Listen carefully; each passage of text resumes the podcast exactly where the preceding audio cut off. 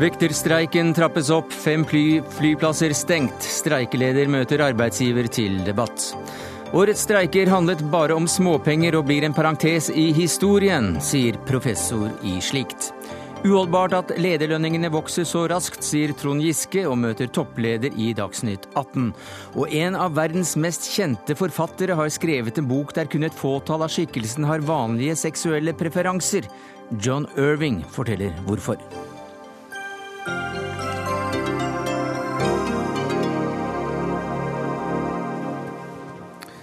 Ja, Det er noen av sakene i Dagsnytt 18 denne onsdagen, der vi også får besøk av en kvinne som er fengslet 40 ganger for å demonstrere mot Mugabe i Zimbabwe. Jonas Gahr Støre åpnet Oslo-konferansen for retten til fredelige demonstrasjoner.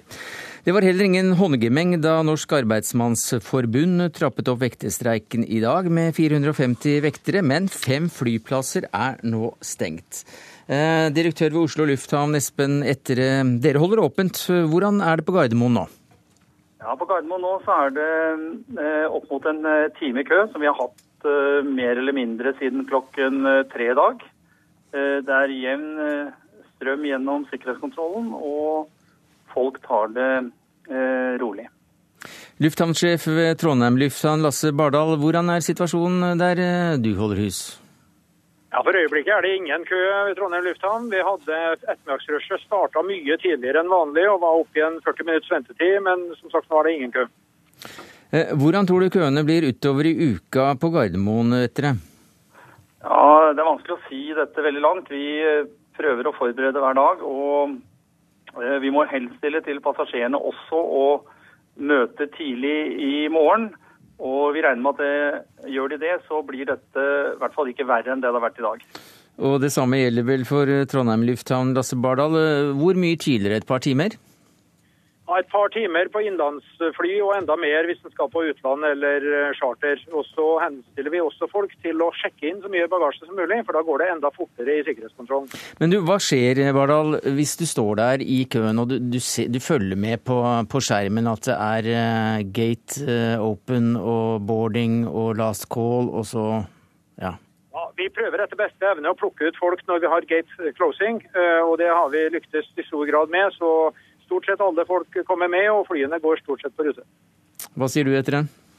Ja, Vi uh, har nok litt større problemer med det, men uh, hos oss så har uh, folk kommet så tidlig, og køene har ikke vært lengre, selv om det er en time, enn at de aller, aller fleste har, har nådd flyene sine.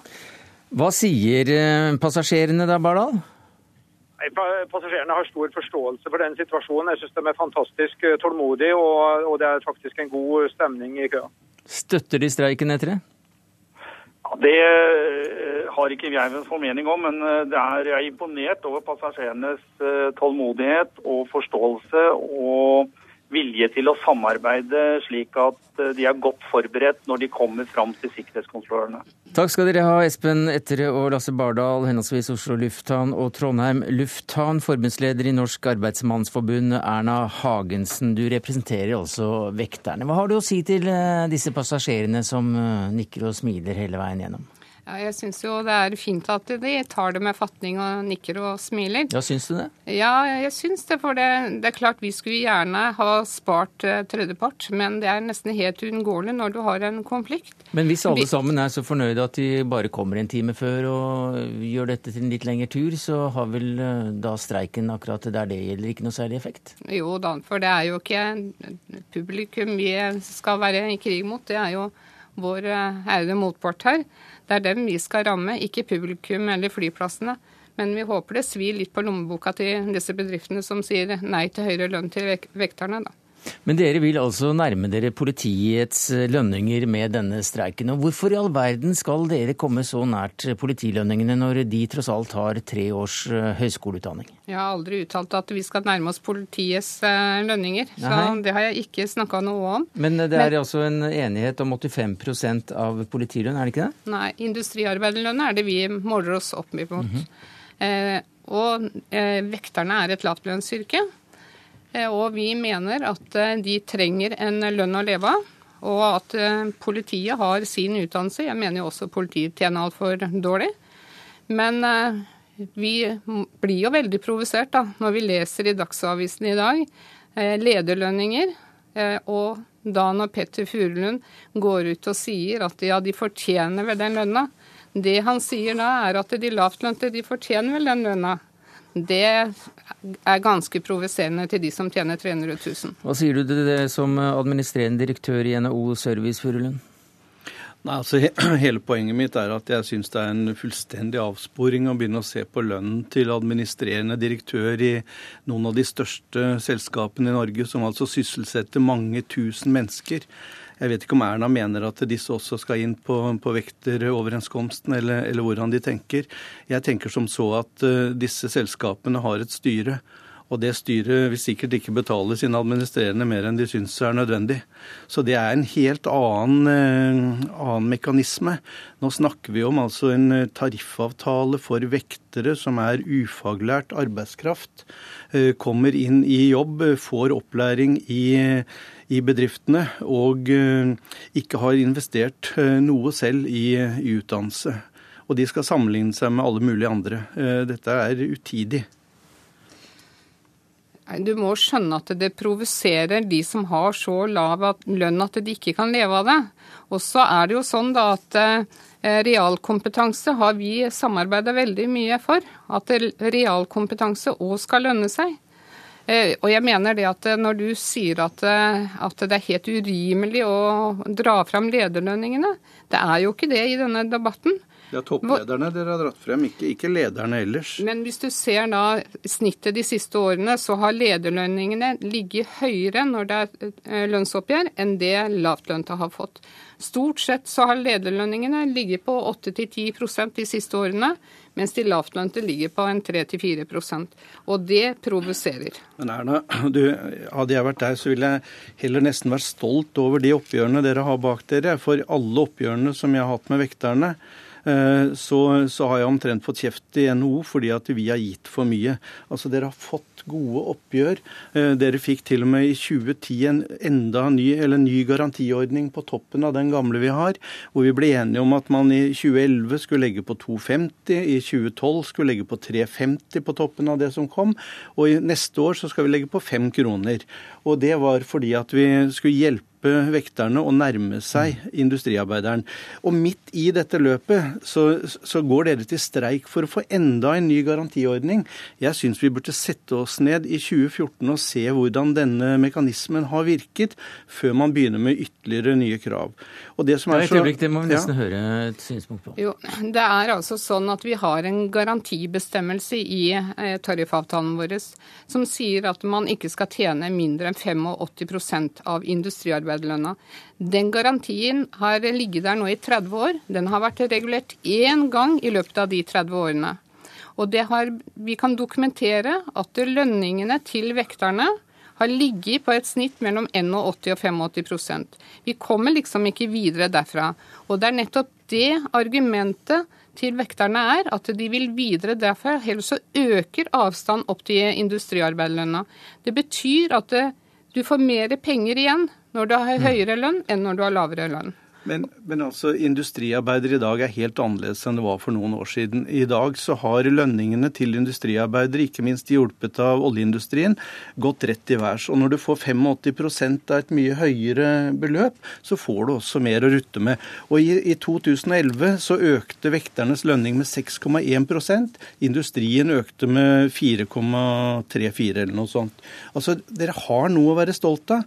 Og da syns jeg det er helt utrolig å være så beinharde på at det får vi ikke akkurat det vi vil. Altså et lønnsoppgjør i år som regulerer 2014, 2015 osv. Så, videre. så streiker vi. Enda mot, den, det andre forbundet har altså sagt ja til det eh, til åtte kroner. Det er veldig mye penger, det. Åtte kroner per time som alle vekterne mm. nå får. Noen får 2,50 i tillegg på flyplassene. Og vi vil gjerne gi mer også, fordi at vi ønsker mm. også å premiere de folkene som har mest kompetanse, er de viktigste for bedriftene. Jeg tror det er vanskelig også å få eh, vekterne til å si at de skal være stolte av den, den lønna de har. Altså, hvis du skal eh, gå og få boliglån på den lønna, vet du hvor mye boliglån du kan få? Du kan få et lån på 1,1 million, og så kan du prøve å gå ut og kjøpe deg bolig til rundt en million.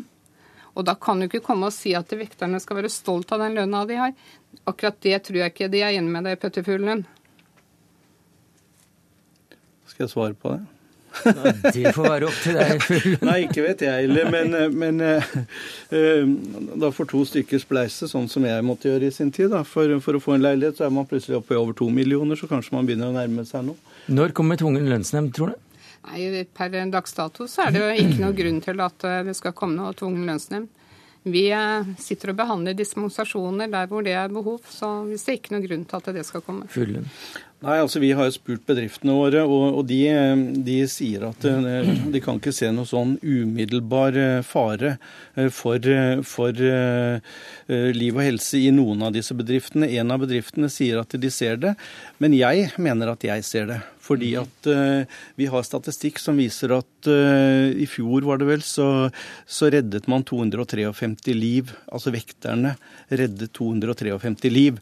Og du kan jo ikke søke dispensasjon for for, for, du vet jo ikke hvor disse menneskene setter overdoser osv. Det er helt uansvarlig, dette. Jo, men masse, dette gjelder narkomaner i Oslo gater, og det er virkelig sånn at det er ikke vekterne sitt ansvar. Vekterne har sikkerheten inne på eh, forretninger og lignende. Det er altså ikke vekterne sitt ansvar det som skjer i det offentlige rom. Men det er ditt ansvar å, å lede en streik som forbundsleder i Norsk Arbeidsmannsforbund, Erna Hagensen. Takk for at du kom til Dagsnytt 18. Takk til deg, Peter Furulund, administrerende direktør i NHO Service. Hør Dagsnytt 18 når du vil på nettradio eller som podkast. nrk.no – dagsnytt 18. Welcome to Dagsnytt 18, Mr. Irving. Thank you.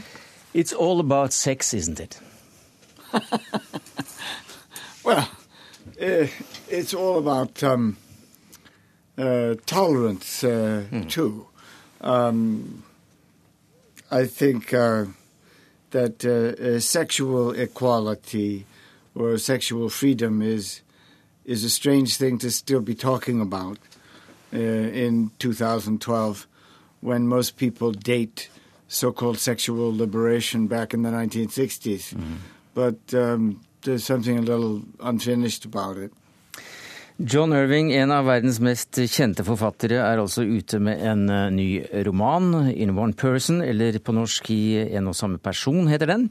Et oppkomme av burleske historier, spesielle personligheter som flyr ut og inn, og nesten alle da med en utradisjonell seksuell preferanse. Fortalt av en 70 år gammel bifil-forfatter, bokas jeg-person har fått en strålende mottakelse i aviser som New York Times, The Guardian og Verdens Gang. Og jeg spurte altså Irving om um, ikke alt handlet om sex, og, og, han mente vel at det da var uh, mer om, om toleranse. Og slik begynner altså boka. I'm going to begin by telling you about Miss Frost. While I say to everyone that I became a writer because I read a certain novel by Charles Dickens at the formative age of 15.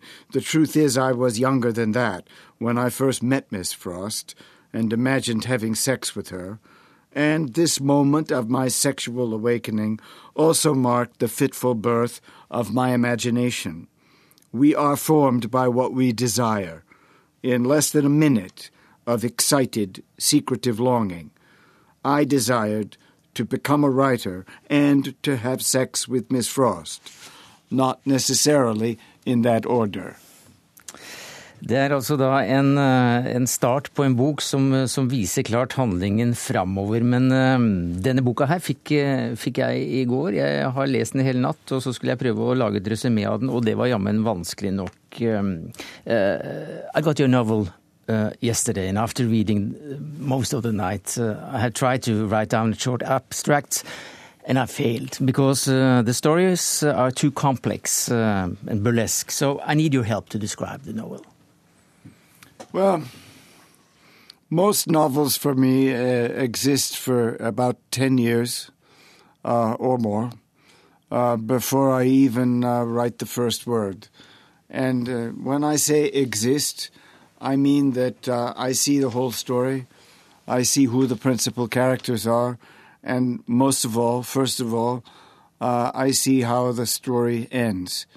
So uh, this novel, um, for almost 10 years before I began writing it, was about a bisexual man uh, of my age, uh, almost 70, remembering his coming of age, his sexual coming of age uh, in his teenage years, and the two transsexual women who mark both ends of his life an older woman, a librarian, whom he falls in love with when he's uh, a teenager, and he doesn't know uh, she's a transsexual woman, and waiting for him, like a bookend, at the end of this story, is this young boy who believes he should have been born a girl. This young boy who uh, is a kind of transgender woman in progress. And this um, older bisexual guy feels that he can be a kind of mentor, a kind of teacher, someone to simply help her, uh, to make it uh, easy for her uh, or easier for her to take this uh, journey to becoming uh, very much a sexual minority.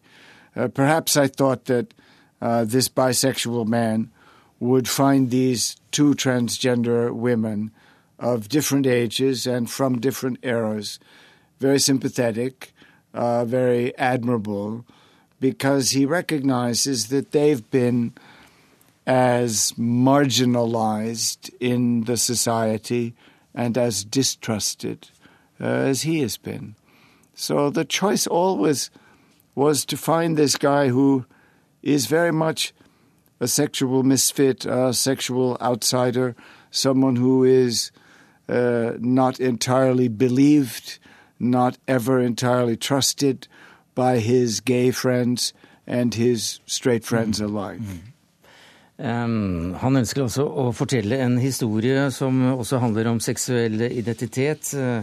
Han skildrer sine uh, personer, og det er viktig for ham, med, med sympati og, og, varme. It seems like you have always been drawn to the experience of unconventional sexuality.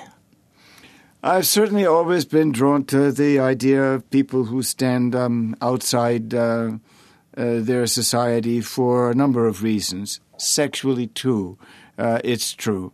Uh, when I finished The World According to Garp in 1978, um, I kind of imagined that uh, I was done with that subject, mm. that the subject would itself um, uh, simply go away, that things would uh, uh, improve in the area mm.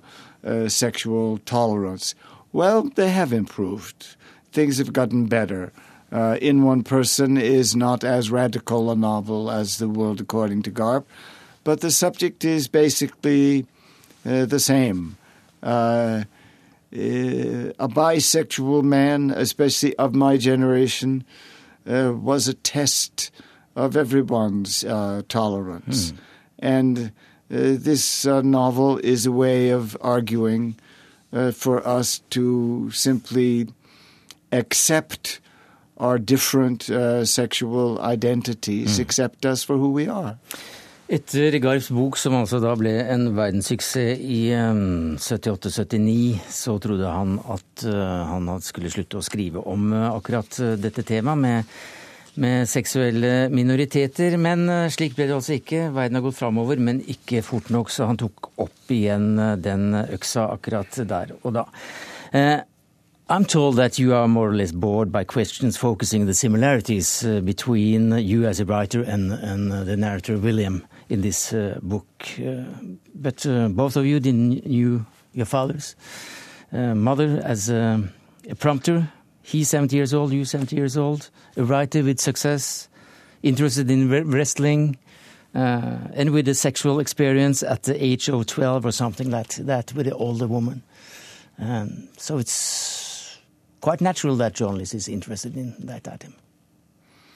Well, these things are, um, to me, uh, coincidences of a very minor kind. Mm-hmm. Um, uh, I am uh, uh not bisexual, but I've always been uh, sympathetic uh, to people who are of uh, minorities and who are treated um, uh, differently because of um, their minority standing. Um, what's interesting to me is uh, in A for Old uh, the narrator never has sex at all. Um, for me, this was a much harder situation to imagine, a much harder uh, character to conceive of than someone who is comfortable having sex with men and women. I find uh, having sex with everyone uh, something easier to imagine uh, than not having sex at all.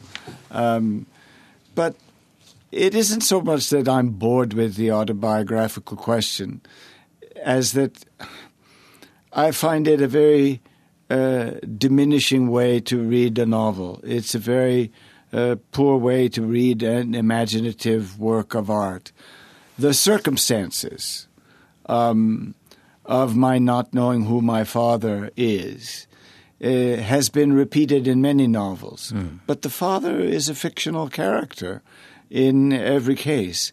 I think that people uh, need to grasp for things that have some autobiographical basis in fiction, but um, uh, in my case, it just it doesn't fit.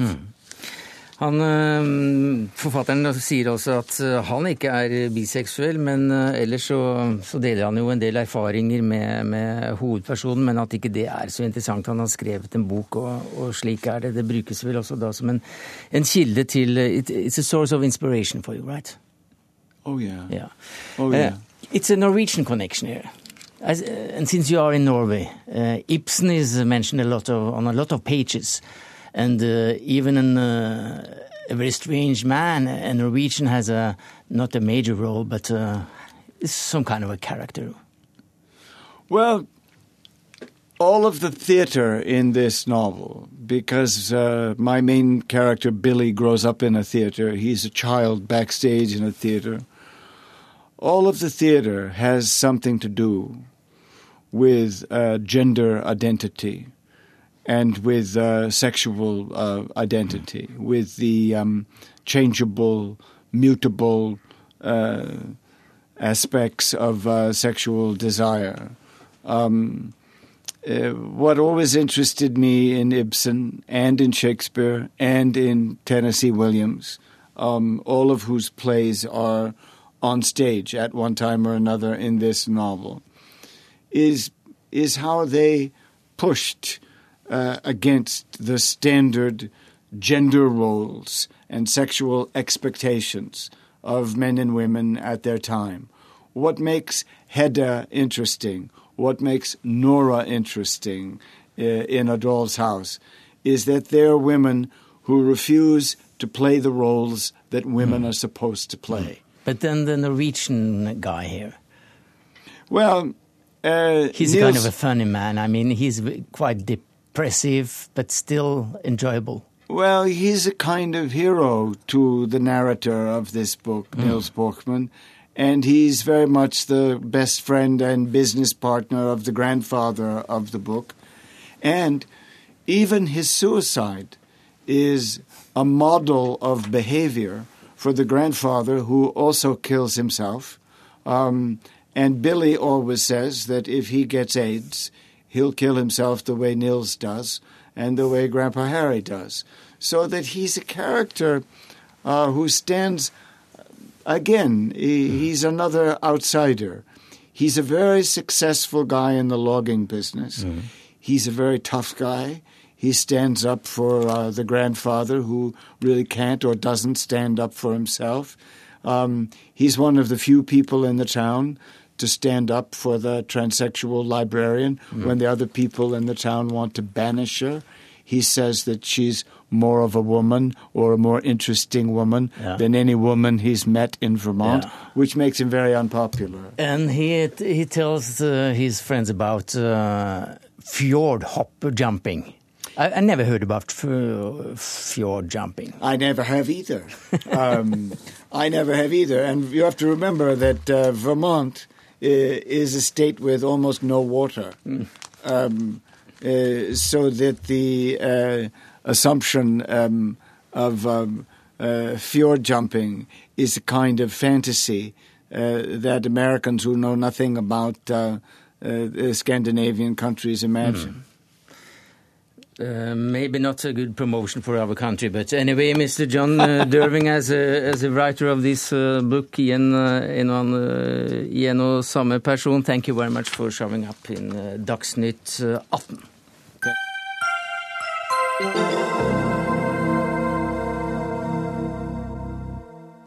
Vi skal tilbake til Streike-Norge, for Irving skal skynde seg ned til en seanse på Litteraturhuset i Oslo. og Derfor så gjorde vi et lite avbrekk i streikerunden vår. For torsdag trapper altså Unio opp streiken, eh, noe streikeleder Arne Johannessen sa ja til å snakke om i Dagsnytt 18 i dag, men så meldte han avbud. Så fikk vi signaler om at forbundsleder Anders Folkestad eh, skulle komme, men han meldte også avbud. Så Steinar Medies, eh, du er økonomiredaktør her i NRK. Var det tilfeldig? Jeg tror, nå tror jeg det er ganske travelt, ja. og trykkokeren har vel et rimelig høyt trykk, vil jeg tro. Er det noe på gang? Det er noe på gang hele, hele tiden. Ja, okay. Men jeg kan, ikke si hvem som snakker med hvem nå. Men det er noen som snakker sammen. I dag åpnet streikerammede barnehager og skoler, og søppel ble fraktet bort. Den store streiken er med andre ord over, selv om Unio altså fortsatt uh, streiker. Uh, det er uh, på tide med en, en, liten oppsummering, og Einar Lie, som professor i økonomisk historie ved Universitetet i Oslo, så får du fortelle oss hvordan denne streiken vil bli beskrevet i historiebøkene om noen år. Ja, det er ikke så lett. Det er en blanding av historie og fremtidsforskning, dette. Ja, ja. Men eh, hvis vi ser hvilke, hvilke store arbeidskonflikter som, som huskes, så, eh, så, er det noen få. Og det er enten pga. Av avstander, temperatur eller virkningene av konflikten. Jeg tror de fleste vil tenke på, på den store konflikten i 86 når man, når man ser tilbake på virkningsfulle konflikter. Både fordi ordene var så kraftige, men også fordi at det var en, en, tradisjonell konflikt mellom arbeid og kapital, for å si det sånn, i privat sektor. Hvor eh, lønn går utover profitt, og hvor man har eh, sterke forbund, sterke personer ulik sosial setting, og, og hvor, hvor, konflikten også var veldig dramatisk. Med Hva slags langtidseffekter hadde den konflikten, som også er den største på, på de årene du, eh, du, ser på som i moderne tid her?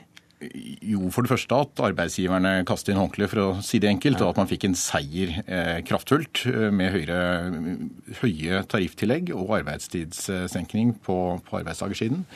Eh, det kom på et tidspunkt hvor, hvor nok eh, norsk økonomi burde hatt et, et, et, lavere oppgjør. Man hadde en kraftig innstramming etter oljeprisfallet. Og Det gjorde jo også at når det var gått et par år, så sto man i en veldig kritisk situasjon. og Fagbevegelsen var villig til å gi noe, men ville ha noe tilbake. og Hvor man da begynte å trekke inn f.eks. pensjonsreguleringene. Der vi 88, men det følger egentlig av 86-oppgjøret. Så, så LO som sådan ble ganske sterke økte sine muskler, muskelmassen en del i, i det oppgjøret. Absolutt, og men, relativt særlig ja, til Arbeidsgiverforeningen, ja. som kom fryktelig dårlig ut av det. Ja, og det var i 86, men altså i dag blir det en parentes? Jeg tror nok at det blir det. Der, jeg tenker Vi har et par ganske gode holdepunkter for å gjette litt om dette. For det første så kom konflikten ganske overraskende på, på, de aller fleste. Jeg tror ikke man hadde ventet det. Det var ikke noe opptakt sånn som det ofte er. Selv i offentlig sektor, eh, hvor man har hatt eh, konflikter omkring lærer- og sykepleierlønninger, hvor det bygger seg opp både internt og i befolkningen ellers, at her må det gjøres om å være et løft. Men det kom ganske brått. Eh, det dreier seg om Altså, det har noe med konflikten å gjøre også. Det, det, er ikke veldig store penger det er, er, snakk om. Det ser man jo på de som har gått tilbake til arbeidet, at forskjellen mellom det som var enten underliggende forståelse eller tilbud, og det som faktisk har blitt gitt, den er, den er ganske liten. Ja, Hvor liten er den? Ja, Vi har kranglet litt om det, men den er veldig liten. Den er under ett prosentpoeng, kan man si. da. Og det vil si at uh, hvis man ble tilbudt uh, f.eks. 3,98, eh, så ender det på 4,1. All det betyr ganske lite. Ja, for Du snakket om uh, i går en kaffekopp om dagen uh, tidligere, men akkurat i avslutningsfasen så gikk du ned til en sukkerbit? Ja, for da var egentlig kaffen servert, altså. Ja. Så da, da, hvis man da fortsatte å streike, så mente da måtte det handle om sukkerbiten til men, kaffen. Men det er ikke bare penger? Nei, og det har jeg ment hele tiden. At hvis man skulle bare analysere dette for rene kronetilbudet, da hadde vi vært over i rene absurde tilstander. Eh, det handlet nok om å, å, vise litt muskler, vise litt makt. Eh, Uno tror jeg har fremstått også som store, sterke, taleføre. Og de ville fortelle at eh, Norge har en, en utdannet gruppe mennesker nå som vil ha betalt for at de har tatt denne utdanningen de har gjort. Og de skulle ha et referansepunkt som de forlangte skulle være der. Og de, de har oppnådd ganske mye rundt den saken der. Men når det er sagt, så er det påfallende i dag at eh, som du sa, eh, den kom litt brått på. Alle mm. aktørene i dag sier at eh, egentlig gikk alt dette galt. Her skulle voksne mennesker ha snakket sammen, sier Davidsen i, i dag. Ja, og jeg tror det, det, er en side ved dette uh, som, som, er viktig, og det er arbeidskonflikter i offentlig sektor som vi tematiserer fra tid til annen, men som, som spiller seg ut på en annen måte, og som er litt mer krevende for de streikende å begrunne. Man har ikke profitt eh, altså Du har ikke arbeidsgiveren og direktøren og profitten på den andre siden. Og man vet jo at regningen går over offentlige budsjetter. Konkret i kommuneoppgjøret så er det jo sånn at regjeringen la opp i revidert nasjonalbudsjett til en viss økning i overføringene til kommunene, som skal, skulle komme i form av goder, altså helse, utdanning osv. Eh, og det ligger i kortene at en høy lønnsøkning eh, til kommuneansatte, det vil spise opp den bevilgningen. Da kommer det ikke økte kommunale eh, tjenester. Mm. Og Det er jo ikke noe argument for at ikke man skal ha god lønn i, i, kommunal sektor, men i retorikken omkring dette og bildet av hvem er det som egentlig er motstander her, eh, hva skal man gjøre, liksom, hvilke bilder skal man lage, hvilke one-linere kan man ha, så er, er liksom kontrasten til de dramatiske 86 fryktelig slående. Der har du Skytøen på den ene siden og Krabi, sånn klassisk arbeidsgiver, på den andre siden. Dirr dirret med leppa da han forlot Ja, eh, brennende øyne og dirrende pekefinger. ikke sant? Veldig intenst. og Man kunne jo lage et utmerket teaterstykke av dette. Man kunne ikke laget noe tilsvarende nå. Eh, man har... Kunne man gjort det i 84, da, da det også var streik sist i det, det offentlige? Nei, ikke like lett. Altså, det var også en stor streik. Den minner, i, eh, ja, den minner jo i struktur litt om den vi har i, i dag. Um, jeg tror at det var bare de som var med på den, og vi som driver med historie, enkelte samfunnsforskere, som, som, som husker den egentlig. Det, var, det, gikk fort over. De gikk jo raskt til å ta ut eh, streikene som lammet fly, flytrafikken, og så kom det en lønnsnemnd nokså nok raskt. Vi hørte her at eh, LO kommune nå forlanger en gjennomgang av hva som egentlig har eh, skjedd her, Medios. Hvem tror du kommer dårlig ut? Hvis vi skal høre på de som er eh, arbeidstakersiden her, så kommer statens forhandlere og eh, den ministeren som er ansvarlig for disse forhandlingene, veldig dårlig ut. Eh, og Vi behøver ikke å bestemme hvem som har skylda, vi her. Men jeg synes jo, jeg har lyst til å si en sånn liten kommentar til det. Den klassiske streiken, 86-streiken, arbeid mot kapital, den har nå sitt motstykke mot arbeid mot politisk lederskap. fordi at nå minner jo de offentlig ansatte om at de er velgere. Og skal ikke dere velge som et års tid? Altså, de bruker politisk press for å skape økonomisk gevinst. Så det er deres eh, pressmiddel. Eh, så, og det er, det, det, er, det er, også en slags eh, rar parallell, men det er deres kraftfulle virkemiddel. De kan altså sette det, det politiske lederskapet under press. Og det har vi sett før, også i Europa. Det er presset politisk lederskap både i, i, mange av de landene som det har gått ille med nå, hvor man presser frem lønninger, slik som man fikk i dag i Hellas, som har altså offentlig ansatte som tjener tre ganger så mye som private ansatte. Og det har gått helt galt. Og det er også en ting er jo at lønn-kapitaldimensjonen er ute, og jeg er helt enig i det. Altså man har, det, det Velgersiden er jo, er jo viktig her. Men, men, i diskusjonen omkring hva man vil oppnå, så har jo lønn-kapital blitt ut, blitt ut med lønn-lønn. Altså Man samarbeider med de andre og sammenligner med frontfagene, som er helt naturlig. men i en bredere sammenheng, hvis man ser dette på lang, så er det jo da de gruppene som man tradisjonelt er solidarisk med, som er andre, andre lønnstagere, er jo det som blir, blir målestokken. Og hva som er liksom motparten. Det blir litt uklart rent retorisk, men det er klart hvis man har klosterforhandlere på statens side osv., så, videre, så kan man ta tak i det. Men, men, det er en annen figur altså, enn det man hadde i disse ja, men klostete, altså, Går ikke dette her eh, nærmest på autopilot. Du har jo sagt mange ganger, Medios, som eh, økonomikommentator her i, eh, i Dagsnytt 18 også, at, at, dette er et rollespill. Og de ja. rollene og det spillet, det, det kan jo ganske mange ganske godt. Det er riktig. Men det er viktig men, altså Det er rollespill. Manus er skrevet. Ja, og manus er på mange måter skrevet. Det er, og, men det er slik at man må forstå sin rolle. Og så er det viktig å av og til kjempe seg til en hovedrolle. Det har vi sett Unio har greid i en viss grad nå. Kommer litt an på hvordan det ender, vel? Ja, nettopp. Men så må man altså ikke falle for fristelsen og overspille sin rolle. For da ender dette dramaet, dette lønnsdramaet, opp i ren skandale. Mens fagbevegelsen har streiket eh, altså for en kopp eh, kaffe om dagen, eller nå mot slutten for et par sukkerbiter, ifølge iallfall én kommentator, så er det andre lønnstakere som kan smile hele veien til banken. Ja, Så fete lønninger er det blitt i de største konsernene at næringsminister Trond Giske vil kalle styrelederne i de store statseide selskapene inn på teppet for å diskutere lederlønninger. Og hva er det du ønsker å få fram på et slikt uh, møte, Giske? Eh, for det første så ønsker jeg å få fram at vi nå har eh, satt klare restriksjoner på alle typer godtgjørelser. Før snakka vi mest om eh, lønna. Nå har vi sagt nei til opsjoner. Vi har sagt at bonusen skal være maks 50% Vi har sagt at etterlønn skal kun være maks ett år. Og vi har sagt at pensjonen skal være forankra i fastlønna. Ja, Det har du jo allerede sagt, men hva er, det, hva er det du skal si som er nytt for disse lederne, da? Nei, Vi skal si at vi ikke er fornøyd med den eh, lønnsutviklinga som har vært, at den ikke er i tråd med moderasjonen. moderasjon. Eh, og som vi forventer oss, og at det ødelegger muligheten for å få moderasjon i andre lønnsgrupper hvis lederne ikke sjøl viser moderasjon. Ja, Vi hørte her innledningsvis en streikeleder henvise akkurat til lederlønninger, så der har du nok ganske mange med deg, Giske. Men betyr det at en, en leder f.eks. i et herværende statseid oljeselskap ikke er verdt 16 millioner pluss pluss i året? Det er skarvet 2312 kaffekopper om dagen? Og noen sukkerbiter? Skal vi være forsiktige med å gå, gå løs på lønna til enkeltpersoner, men det er klart, her dreier det seg både om hvor mye lønna har økt eh, over år, og eh, om den prosenten er i tråd med det andre grupper får.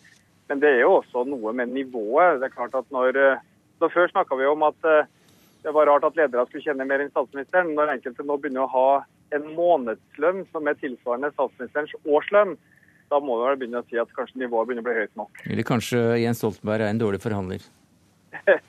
Eller kanskje at det er mulig å tenke seg at det går an å motivere og drive med annet enn en lønn når lønnsnivået er høyt nok.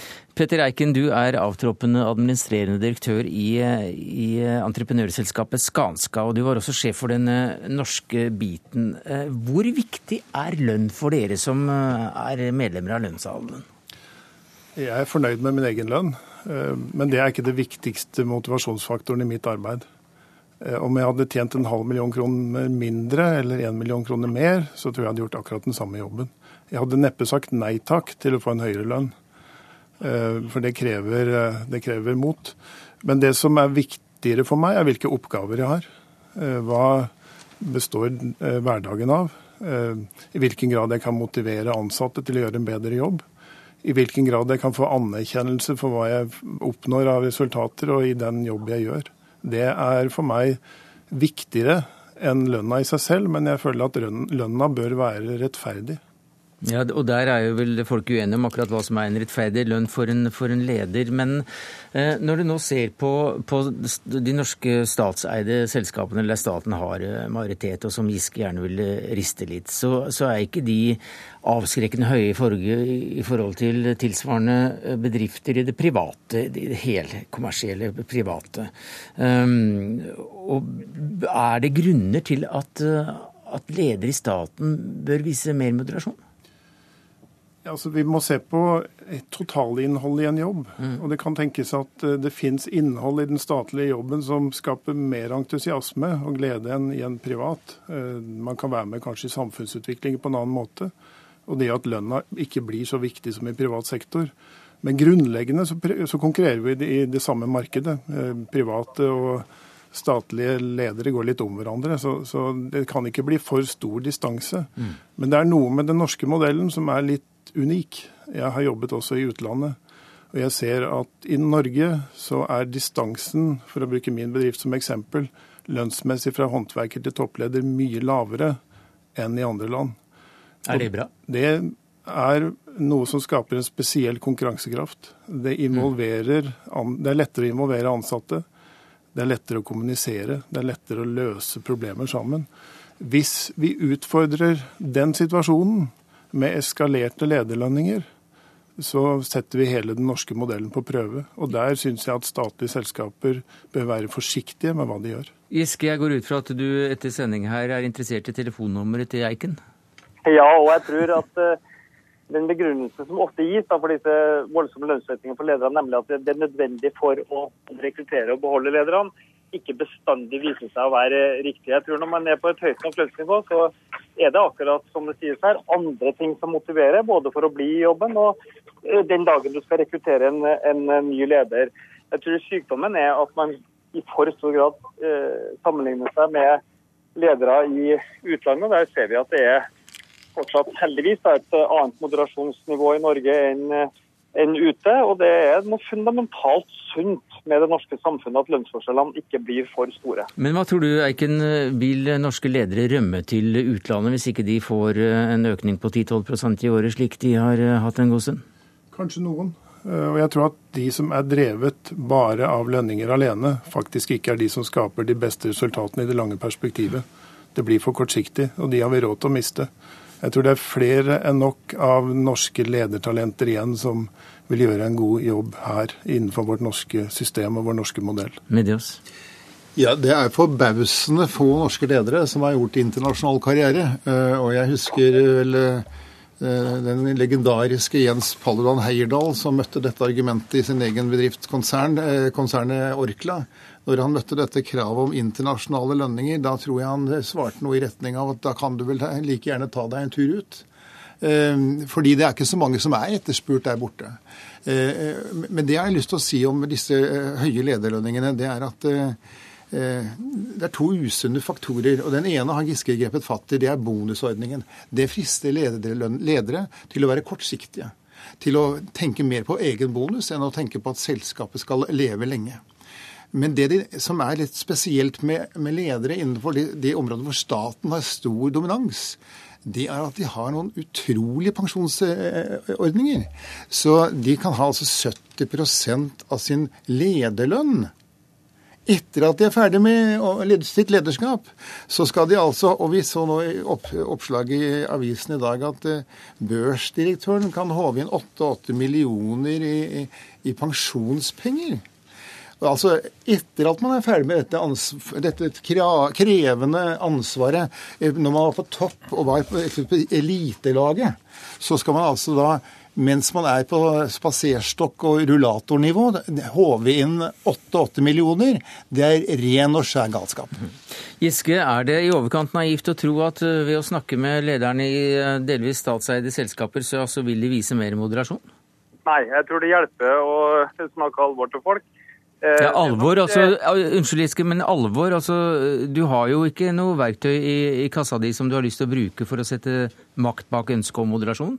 Jo, til sjuende og sist så kan jo vi som eh, eiere gjennom generalforsamling eh, bytte ut de styrene vi er misfornøyd med. Og jeg har jo sagt også i de, forbindelse med eierskapsmeldinga som kom i fjor, at vi kommer til å gjøre lederlønnsutvikling også til en et element i de styreevalueringene vi har. Så Når vi måler resultatoppnåelse, så kommer også det til å være et eh, element. Ikke det eneste, selvsagt, men det skal være med. Men dessverre så tror jeg det er også en tendens til at det sitter litt for mange i styrene som har samme type jobb som eh, de direktørene man skal gi lønn, og så har man en eh, karusell hvor man har interesse av å holde et høyt lønnsnivå i den type stillinger. Så når det gjelder oljesand eller Telenors prioritering i utlandet, så kan du ikke gjøre noe særlig. Men når det gjelder lederne, ledernes lønninger, ja da er du eh, villig til å få styret avsatt og ansette styrer som vil holde moderasjon? Ja, det skulle jeg være ganske velkjent at jeg også er villig til å påvirke selskapene i andre spørsmål, f.eks. å beholde nasjonalt eierskap til viktige mediebedrifter.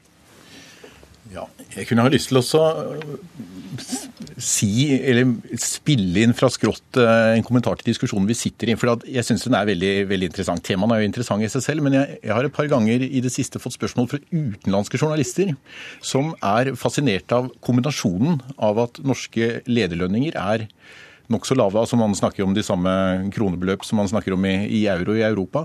Og samtidig som man er intenst opptatt av dem, eh, og at det er et eh, politisk tema som, som det det faktisk er. Jeg tror at det er, jeg, jeg tror at det er eh, et gode at man har en diskusjon som, som er som den er. og at, at kravet om egalitet er såpass kraftig. Men det er en ganske, ganske interessant side som ved den norske lønnsdiskusjonen. Og den kommer jo eh, hver gang det er lønnsoppgjør, så, så, dukker lederdiskusjonen opp. Det er jo ikke nye lederlønninger, men de trekkes opp og integreres i lønnsdiskusjonen. For så vidt som en del av lønn-lønn-diskusjonen, men bare på et helt annet eh, nivå enn der vi var tidligere. Og det er jo også, Siden vi var inne på 86-oppgjøret og virkningen av det, så er jo dette noe vi begynte å diskutere i Norge i årene like etter det, altså 87, 88, 89, og som er blitt drevet med ganske stor intensitet eh, siden, men som vi ikke finner liksom, på, på, samme måte i andre land. Og, og hvor jeg registrerer at eh, både utenlandske kolleger og utenlandske journalister er liksom litt fascinert av hvor, hvor kommer egentlig dette her fra. Ja, Hvor kommer det fra? da? Jeg tror det kommer fra mange ting, men vi har veldig sterke egalitære tradisjoner i Norge. At uh, man skal ha, Det ene er at man ikke skal ha så veldig store forskjeller i inntekt og i innflytelse. Vi har også hatt veldig stor åpenhet omkring inntekt. altså dette At vi har åpne skattelister, som vi har hatt uh, i hvert fall siden av midten av 1800-tallet, det forbløffer jo andre. Man har det formelt i Sverige, men ikke, ikke mulighet til å trekke ut det samme. og det, Der ligget en kontroll av hvordan goder og, og, og, og innflytelse og inntekt har, har, vært fordelt. Men kombinasjonen av sterke egalitære normer og underliggende krav om åpenhet omkring den type ting, at det er ikke personlige forhold, det er ikke privatøkonomi, men det er en del av, av noe vi alle har, har rett til å, å, å, diskutere, det ligger under eh, noen av særtrekkene i den norske debatten. Men vi hører også Giske si at dette er også viktig i situasjoner der man skal snakke om lønn til vanlige lønnsmottakere. Og statsministeren har vel stått på talerstolen i Stortinget og sagt eksakt eh, det samme. Ehm, hvor viktig er lederlønningene eh, når det gjelder eh, fagforeningenes eh, mulighet til å mobilisere til, til streik? I hvert fall det, det politiske lederskapets evne til å vise moderasjon selv tror jeg er veldig disiplinerende. Og Gro Harlem Brundtland var en av de første som virkelig på sitt tråkket i bremsen inn eh, når Norge var ille ute i begynnelsen av 90-tallet, og man skulle stå sammen for å komme gjennom en vanskelig periode. Da er det viktig at man står sammen. Men jeg har lyst til å si, når vi snakker om disse, si, den småligheten som også kan prege den norske lønnsdebatten, at vi, vi tillater elite nekter og tjener mye penger når de er idrettsfolk, eller når de er kunstnere eller popartister. Eh, men ikke når de er altså fremragende ledere. Men, men jeg syns jo at man skal få lov til å, å, å tjene godt i, i, i, slike perioder hvor man da virkelig er på høyden.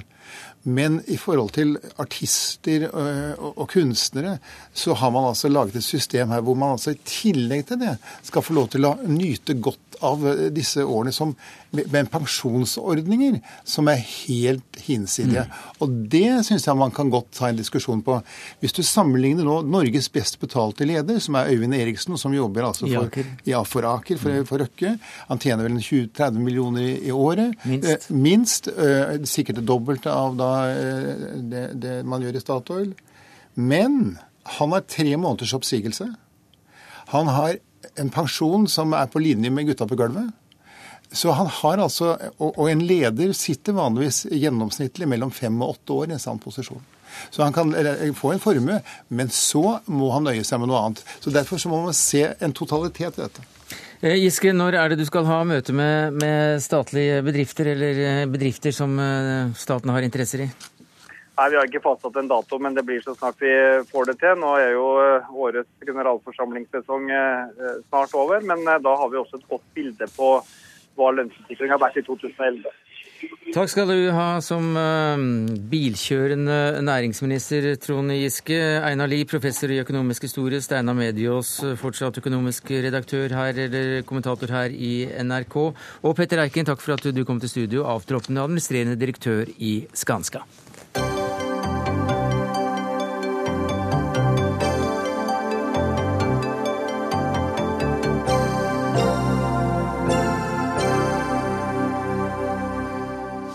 Nesten 50 lokale menneskerettighetsforkjempere fra rundt om i verden møtes i dag for å snakke om retten til fredelig protest. Seminaret arrangeres av Utenriksdepartementet, og utenriksminister Jonas Gahr Støre åpnet det hele. Hva er formålet med dette tredagsseminaret? Ja, det er å sette fokus på en gruppe mennesker som vi kaller menneskerettighetsforsvarere. Eh, og det er jo mennesker som står midt oppi en eh, strid for å eh, sikre seg og garantere sine universelle menneskerettigheter. Det høres litt eh, pompøst ut, men hverdagen er meget brutal. Altså Det er folk som står oppe i en situasjon hvor de ikke har eh, voldelige maktmidler og ikke ønsker å bruke det, men eh, vil kreve sine rettigheter. Typisk Tahrir-plassen i Kairo, men også i mange andre land, som vi har hatt nå sett på besøk her i Oslo. Altså fredelige demonstranter som ønsker å protestere, bruke den retten og som får vanskeligere og vanskeligere forhold fordi myndigheter i også land som kaller seg demokratier, bruker voldelige midler for å slå den ned. Og Hva håper den uh, norske regjeringen med, ved deg også å oppnå med seminaret? Altså, vi har hatt fokus på denne gruppen i flere år i vår menneskerettighetspolitikk. og Det handler jo da om å få oppmerksomheten opp i de internasjonale fora, i FN. Eh, FNs rapportør på dette, som følger med på dette, var i Oslo i dag, eller er i Oslo i dag. Så ønsker vi også en større grad av erfaringsutveksling mellom mennesker som står midt oppi dette. Eh, og det var noe vi hørte på seminaret i ettermiddag, at de ønsker mer kontakt seg imellom. De sosiale mediene gir fantastiske muligheter til kontakt mellom aktivister, men de gir også mulighet for kontakt til myndigheter som ønsker å slå dem ned. Eh, og så er det å få et fokus på utviklingstrekk i verden. Som sagt så tar mange myndigheter, også de som kaller seg demokratiske, i bruk ganske kraftig lovgivning for å gjøre det umulig mm. Å protestere fredelig. Det er mange heltehistorier og mange helter i, i, Oslo disse dagene, og du sitter vel ved siden av en av dem. Hvordan vil du introdusere Jennifer Williams? Ja, Jennifer Williams er altså en aktivist fra eh, Zimbabwe. Hun har vært fengslet opp mot 50 ganger. Hun skal tilbake igjen til sitt land neste uke for å stå i retten med nye anklager for å ha protestert. Og det er en eh, dame på min alder. Hun er eh, ufattelig modig. Hun eh, går litt stivt fordi hun har fått eh, juling og blitt slått over ryggen med harde eh, stokker. Men har altså en ubendig tro på at hun skal kjempe for sine sivile rettigheter og de for menneskene i landet sitt. og det er, gjør et ufattelig inntrykk å sitte ved siden av henne og vært sammen med henne i ettermiddag. Og, og, og, se det mot. Og hun er definisjonen egentlig da på en menneskerettighetsforkjemper. Det hun har av kampmidler, det er stemmen, det er motet og det er viljen. Eh, og det er absolutt grunn til å løfte fram det i den tiden vi lever i nå. Jennifer Williams, welcome to Dagsnytt 18. Thank you. Hello, Oscar. How would you describe uh, the situation for human rights activists in, in your country now? It's terrible. We are like an endangered species. Um, to fight for rights with a government who clearly don't respect rights. In fact, uh, President Robert Mugabe says that he has degrees in violence, and we are using non-violence. We are trying to have degrees in non-violence so that we can bring better change to Zimbabwe. But it's uh, hard. I've been on a hit list to, to be killed since 2006. Thank God I'm still here because uh, there are international forums such as the one I'm at, and people care and they write letters and they put pressure on the government to respect human rights. Hun eh, er altså da på en, eh, en eh, dødsliste. Mugabes regime blir hardere og hardere, og selv anser hun den gruppen som hun da representerer, som en slags utrydningstruet art. And uh, how do you describe the right for peaceful demonstrations in Zimbabwe? Well, our organization, Women of Zimbabwe Arise, we were specifically formed at a time where there was great fear in Zimbabwe, and you couldn't say anything. And but, but today just... you can. Sorry? In... Today you can. 10 years old, yes. But today you, you, you can you can no, fact, no no not at all. We are to do a demonstration in Zimbabwe right now. You must be prepared mm -hmm. to sleep in prison cells for at least 48 hours, sometimes up to 7 days, or you can be sent to prison. I've been sent to prison during an election period for 6 weeks because the government said we cannot have this woman and other members marching in the street while we are planning an election. I thought an election is for people to vote. Why should I be behind bars at, during that time? And that's strictly just because we march peacefully in the street, demanding respect and demanding an end to violence. Why do you deny violence? We do not believe that violence will bring better development and peace in Zimbabwe. We believe that the liberation war, which was fought for many years to remove the colonial government, did not develop true independence for us. We are not getting the education systems we want. We are not getting the businesses, the jobs that we want. Right now, there's 98% unemployment in Zimbabwe. You call that independence? I don't call that independence. So we demand a better Zimbabwe. De som eh, demonstrerer i hennes eh, organisasjon eh, Kvinner står opp, de kan også forvente hver gang de er ute og demonstrerer å måtte tilbringe 48 timer på en celle. Selv satt hun vel da seks uker inne i forbindelse med, med, det siste valget, og det er ikke slik helt det skal være. You, you have sacrificed the normal family life in the fight for justice.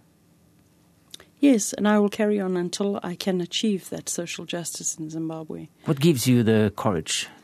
The courage I get from the colleagues that we work with. We are together defending that human rights. If I'm arrested alone, my colleagues will come and knock at the door of the police station and say, She was not demonstrating alone. We were doing it together for a better Zimbabwe. And that solidarity and that spirit of resistance that we are building is what keeps us going. We know that we will win against Mugabe. Non-violence will win against violence any day. Derfra henter hun altså mot i den um, forståelsen at en dag så kommer de til å vinne, og de støtter hverandre hele, hele veien. What, what kind of seminar like uh, this in Oslo do for you? It's very important because it gives us a chance to come out of Zimbabwe, to meet other people, to hear other views on what defending human rights is all about, and also to share experiences with other activists of when they are in demonstrations, what do they do? Does it work? How does it work? And to be able to understand how we can make uh, demonstrations bigger and better and make sure that when we remove the dictator, we mo- remove the dictatorship and citizens have a chance to do something better with their lives. Er det ikke litt eh, naivt da, å tro på en eh, fredelig demonstrasjon kan eh, løse opp i, i regimer som vi absolutt ikke liker å Nei, det mener jeg det ikke er. Og svaret på det er jo at regimene ville ikke fryktet det så mye hvis det var naivt. Da kunne de bare blåst av det. Men det vi lærer, det er at autoritære regimer, som sett med våre øyne kan se ganske mektige og kraftfulle ut og handlekraftige, de er redde for slik protest. De er urolig for disse kvinnene som går uten våpen i gatene og ber om rettighetene sine. Ikke noen revolusjonære rettigheter, men de ber om universelle menneskerettigheter. Det truer regimer eh, verden over. Så det er uttrykk for at det ikke er naivt. Dette, de vet det er farlig. Og det som er urovekkende, det er jo at mange av disse regimene lærer av hverandre om hvordan de skal slå ned på det. Så Derfor så er det både veldig modig og håpefullt det hun gjør, fordi at uh, dette kan uh, lykkes til, til, sist. Det har vi sett uh, mange steder, at rettferdigheten skjer fyllest. Inspirerer kanskje en politiker til å um, holde på også? Jeg syns det er i hvert fall veldig meningsfullt å vite at vi som også har hatt protester i Norge, det er jo en del av vårt demokrati, det sivile samfunn. Fra Alta-demonstrasjonen til demonstrasjoner i gaten, så er det måten det kommer ting til uttrykk på. Det velter ikke et politisk system i Norge, det er en del av systemet. Og det å ha en menneskerettighetspolitikk, det skal Norge ha. Vi skal feie for egen dør, men vi skal også støtte opp om denne type modige mennesker, fordi at de har fredelige hensikter.